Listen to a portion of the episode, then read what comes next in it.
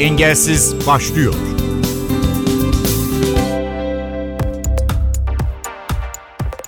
Merhabalar ben Ayhan Aktaş. Yeni bir programda sizlerle birlikteyiz. Engelsiz'de özel dünyamızın özel insanlarıyla sohbetlerimize yine bir uzman isimle devam edeceğiz.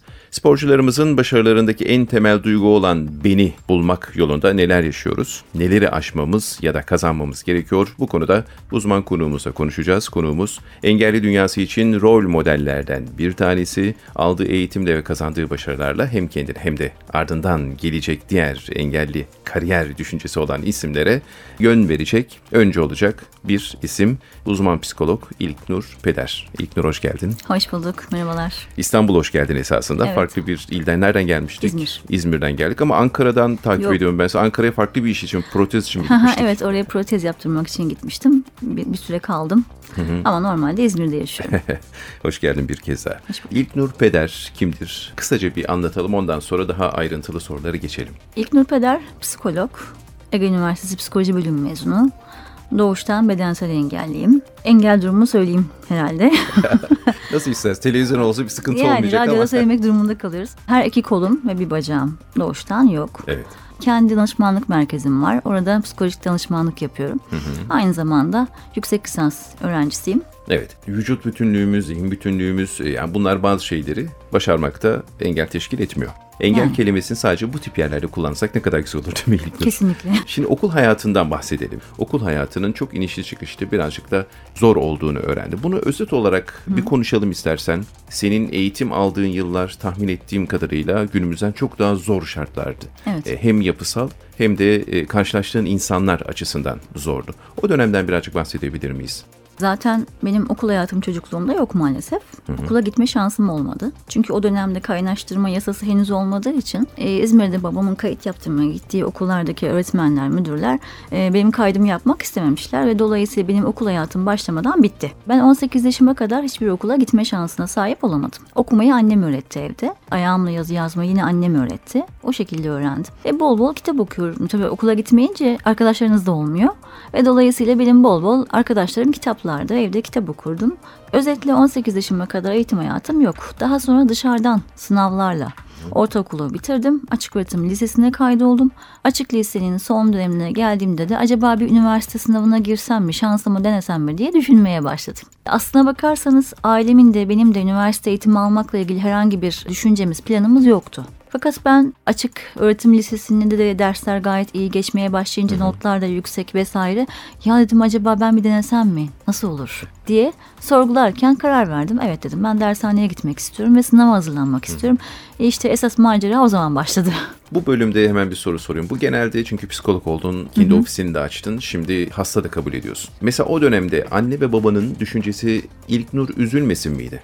Genel olarak evet yani bir korumacı bir içgüdü vardı orada. Korumacılık düşüncesiyle, güdüsüyle kaygılanıyorlardı. Yani senin okumana işte ne gerek var? Okuyup ne yapacaksın? İşte orada itilirsin, kakılırsın, dışlanırsın. Aslında haklı oldukları yönler de var. Doğru da Belki de söylüyorlar. yaşamışsındır. Oo illa ki yaşadım. Ee, dolayısıyla da hep bir beni vazgeçirme politikası vardı evde bana karşı. Ama ben de inat ettim. Galiba biraz inatçı bir yönüm de var. Öyle olunca da bu e, üniversite sınavına hazırlanmak için gerçekten inat ettim. En sonunda dershaneye gitmeye başladım işte. İlk aşama gayet güzeldi ÖSS sınavı. Puan da gayet yüksekti. Öyle olunca iş biraz daha ciddiye bindi. E bir de şehir dışına gitme şansınız yok. İzmir'i kazanmak durumundayım. Psikolojiyi istiyorum. Tek hayalim buydu zaten. Evet. E, taban puanlar yüksekti ve tabii ya bir de işte ben bayağı bir çalışmak zorunda kalıyordum. Ardından da kazandım Ege Üniversitesi Psikoloji bölümünü ve eğitim hayatım başlamış oldu. Bu dönemde belki de içinde bir psikolog İlknur vardı yani böyle ilkokul veya ortaokul hayalleri kurduğun zamanlarda belki vardı. Sen bunu keşfetmemiştin ki. Aslında E, en son var mıydı? Vardı. Yani şöyle Ya insanlarla ilgilenmek, sorunlarla mücadele etmek gibi bir aslında şöyle Ayhan Bey sanırım o ergenlik döneminde bende o hayal vardı. Nereden gelmiş o dönem için hala onu çözemiyorum ama ben böyle psikolog olduğumu hayal ederdim. Hep söylüyorum seminerlerimde de anlatıyorum. Evde bizim salonda böyle iki tane tekli berjer vardı karşılıklı duran. Annem komşulara falan gittiğinde yalnız kaldığımda ben o berjere oturup hayali danışanlarıma seans yapardım. Öyle şey. çocukluğuna in yavrucuğum. hayali danışanlarıma seans yapardım. Bunu ben şeye birazcık yorumluyorum. Sanırım o hani maruz kaldığınız ya da yaşadığınız olumsuz davranışları yakınlarınızdan da dahil olmak üzere veya toplumda sokağa çıktığınızda bir oyun parkına gittiğinizde bir restorana gittiğinizde hayatın her alanında karşılaştığınız o davranışları herhalde yorumlama ihtiyacım vardı ya da o davranışlarla başa çıkmak için bir şeyleri öğrenmeye ihtiyacım vardı. Bu yüzden herhalde bu kadar psikolojiyi istedim diye düşünüyorum ben. Peki İlknur burada olabilmemizin yani bir arada böyle sohbet etmemizin en büyük amacı spor yaşantısını engelli olarak devam ettiren kişilerin yaşam kalitesini nasıl yükseltebiliriz? O insanların psikolojisi nasıl düzelir? Bunu konuşacağız seninle birlikte. Özellikle sen veya ben gibi çok doğuştan ya da bebek yaşlarda engelli olmuş kişilerde çok üst seviyede görülmese de e, bizde de var. Ama daha sonra kendini bildikten sonra bir kaza sonucu engelli toplumuna karışan bir kişinin hayata adaptasyon süreci birazcık daha sorunlu oluyor. Senin hastaların, hasta mı diyorsunuz bu arada? Danışan. Danışan. Danışanlar arasında hiç engelli var mı bu tarzda? E, Nasıl bir psikoloji içinde sana geliyorlar ve sen nasıl yönlendiriyorsun? Evet zaman zaman engelli danışanlarım oluyor tabii ki. Bunların bir kısmı dediğiniz gibi sonradan bir kaza, bir travma sonucunda engelli olmuş ya da doğuştan bizler gibi doğuştan engelli ya da çok küçük yaşta Evet. engelli olanlar da var. Spor konusunda önce girelim diyorum. Orada ben de mesela bunu hep değiniyorum mümkün olduğunca. Aslına bakarsanız hani engeli olmayanların da evet spor yapması çok önemli ama biz engelliler için bu çok daha önemli diye düşünüyorum. Evet. Yani Ee, kendimizi ifade edebileceğimiz en kesinlikle. net alanlardan bir tanesi. Hem- Zaten en net yani sanatta da varız ama sporda daha fazla varız gibi evet. geliyor bana. Hem psikolojik anlamda kendimizi daha iyi hissetmemiz açısından, kendimizi ben de varım duygusunu daha iyi hissetmek açısından hem de engelin getirdiği bize bir takım fiziksel dezavantajları daha alt düzeye indirmek açısından spora çok ihtiyacımız var hepimizin de. Evet. Yapabileceğimiz imkanımız nispetinde neyse yapacağımız, yapabileceğimiz spor dalı onunla ilgilenmeye ihtiyacımız var. Mesela işte birçok etkinliklere katılıyoruz biliyorsunuz işte engellilerle ilgili. Şunu gözlemliyorum. Bir yerde düzenli olarak spor faaliyetinde bulunan engellilerin sürekli kafasının bir yerinde ön planda engelin olmadığını gözlemliyorum ben. Yani daha bireyselliği yani işte Ahmet, Mehmet, Ayşe yani Evet. neyse kişiliği, kişiliği ön plana çıkıyor. Ama diğer türlü sizin kendinizi ifade edeceğiniz bir alanınız fazla yoksa bu illa spor olmak zorunda değil ama spor önemli. Kendinizi var ettiğiniz, ifade ettiğiniz bir alanınız yoksa genel olarak sürekli aklınızın bir köşesinde ben engelliyim düşüncesiyle yaklaşıyorsunuz insanlara. Duruşunuzda, beden dilinize bile bunun ben yansıdığını düşünüyorum. Peki insan bunu kendi içinde mi hissediyor yoksa engelli olmayan insanlar mı bunu bize veriyor sence? aslına bakarsanız o eski tepki karşılıklı. Ama biz de bunu içimizde gerçekten ön plana alıyoruz. Şöyle diyelim. Bakın mesela daha farklı bir yerden örnek vereyim. Kişilik açısından bireyselliğin çok kendinde geliştirilmiş hani engelliden bahsetmiyorum. Evet. Herhangi bir kişiden bahsediyorum. Kişiler genelde atıyorum mesleki ya da ünvan durumlarını, statülerini sürekli isimlerin önüne ekleme ihtiyacı duyarlar. Doğru, mudur? Doğru. Hiç alakasız bir yere giderken bile mesela işte ben avukat bilmem kim der. ben hakim falanca der. Evet. Doğru mudur? Doğru. Neden? Çünkü onun kendi Ahmet, Mehmet olarak bireyselliğinde bir problem vardır. Bu yüzden de o statüsünün ya da mesleğinin arkasına sığınarak kendini daha güçlü hissetmek ister.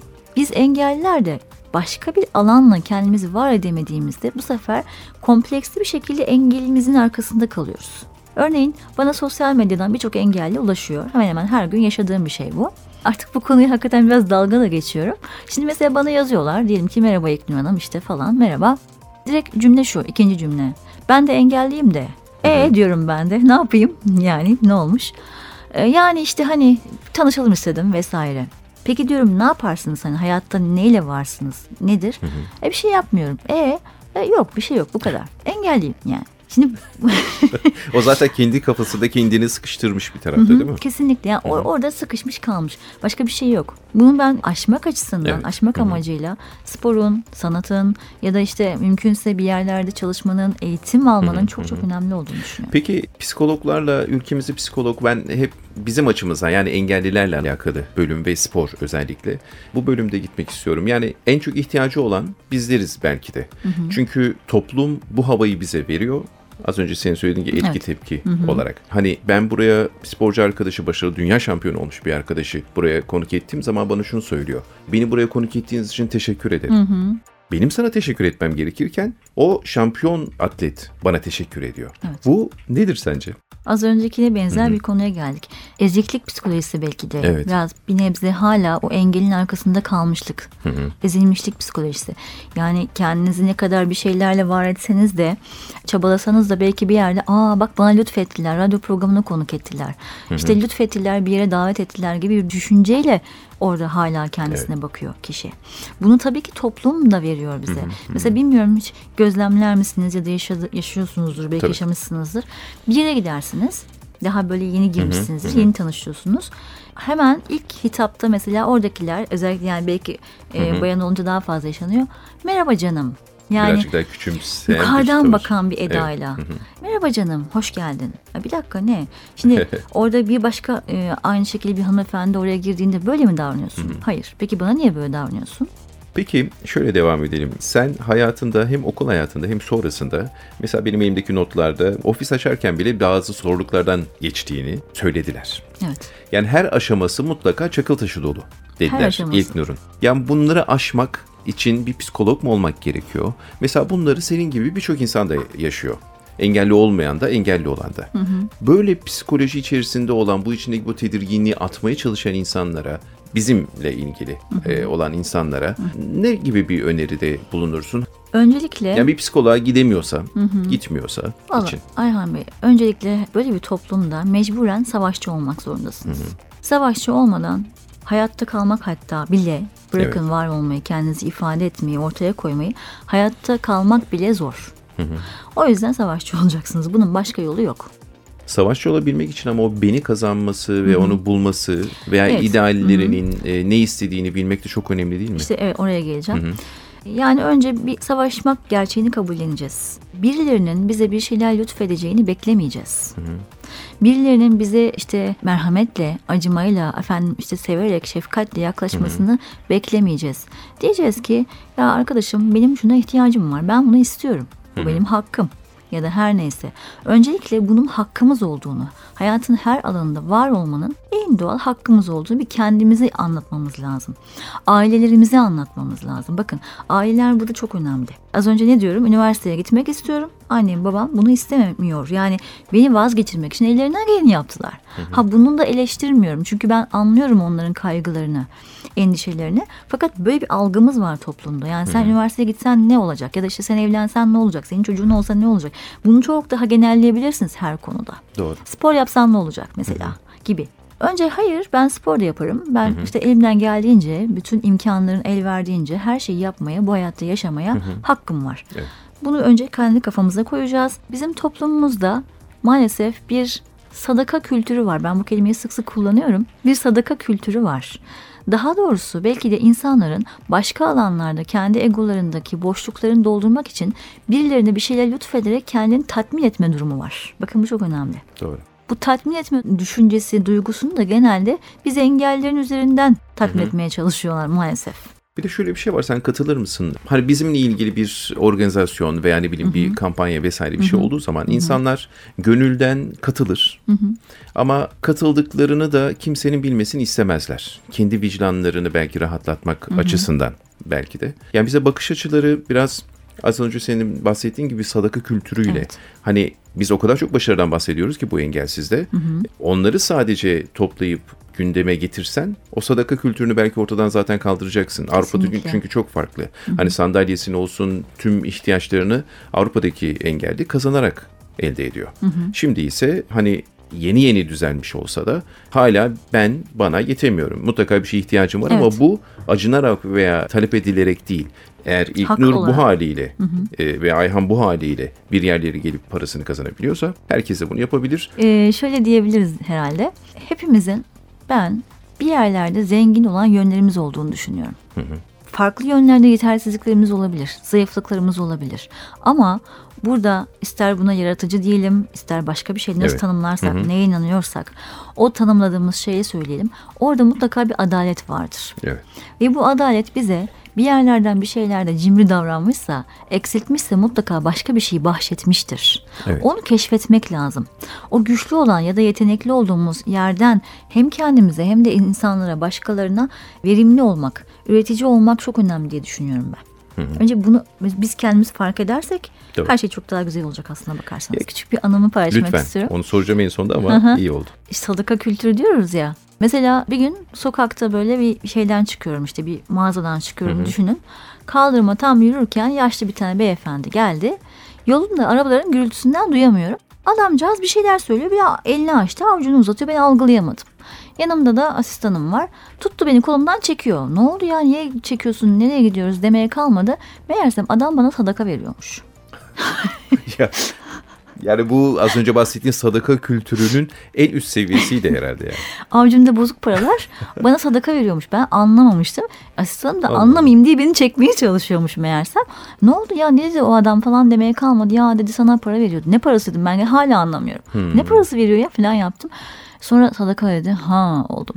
Yani bu da herhalde bir Ya örnektir. bunlar istisna herhalde. Bu kadar mıyız diye hani O kadarız. o kadarız. O kadarız. Demek ki çözülecek ya Çok bayağı yolumuz var. Kat yolumuz- etmemiz gereken çok mesafemiz var. Peki ama mesela ben 40 yaşındayım. Küsuratını söylemiyorum. 40 yaşındayım ve tekerlekli sandalye basketbol oynuyorum. Ve büyük bir keyif alıyorum. Herkesin hani birazcık cimri davranılmış olsa da sağlam olan bir şeyler var bizde. Ve bunu ortaya çıkartmak ve bu doğrultuda onların keyfini çıkartmak Evet. en başarabileceğimiz ilk temel duygu. Evet programımızın sonuna geldik İlknur. Evet konu konuyu açıyor ama vaktimiz de kısıtlı. Çok şey konuşacaktık. Ama bir sonraki programa diyelim. Ben büyük keyif aldım. Ama şudur, bugünkü yayınımızın ortak düşüncesi şu. Toplumdaki sadaka kültürünü, engellilere bakış açısının ciddi ciddi değişmesi gerekiyor. Kesinlikle. Ve engellilerin kendilerini bulabilmesi için spora yönelmeleri ve sporda kendilerini bulmaları, bu konuda da danışmanlık isterlerse ilk nur aramaları. elimden geldiğince yardımcı olmaya çalışırım. Evet özetle sizin de dediğiniz gibi önce biz artık sadaka kültürünün nesnesi olmayı reddetmemiz lazım. Ha burada tabii ki maddi imkansızlıklar var. Birçok engeller var. Hani çok derin mevzularımız var. Toplumun veya sistemin oradaki belki engellinin üzerine kurduğu yanlışlıklar var, engeller var. Bunlar illaki mevcut. Ama bütün bunlara rağmen en azından bir yerlerden biz kendimize okuyabileceğimiz bir kitap bulabiliriz diye düşünüyorum. Bu çok masraflı bir şey değildir. Doğru. İlla ki gidebileceğimiz uygun ya da ücretsiz bir kurs, bir spor etkinliği bir şey bulabiliriz, edinebiliriz diye düşünüyorum. Hani çünkü ben bunları söylediğimde bazı engeller bana kızıyorlar. İşte İlknur Hanım bizim o kadar öncelikli sorunlarımız var ki siz bize ne söylüyorsunuz diyerek tepki de alıyorum bazen. O yüzden bunları ekleme gereği duyuyorum şu anda. Yeter ki isteyelim. İnsan oturduğu dört duvar arasında bile kendini geliştirebileceği bir imkan. Hele bu zamanda. Evet. Hele bu zamanda bunu çok rahatlıkla bulur diye düşünüyorum ben. Özel dünyamızın özel isimlerinden uzman psikolog İlknur Peder bizlerle birlikteydi. Az önceki önerisinde dikkate almanızda fayda var. Eğer hayattan keyif almak, zevk almak ve yaşam kalitenizi Kesinlikle. yükseltmek istiyorsanız. İlknur çok teşekkür ediyorum. Ayaklarına sağlık. Bu haftalık da bu kadar. Her şey gönlünüzce olsun.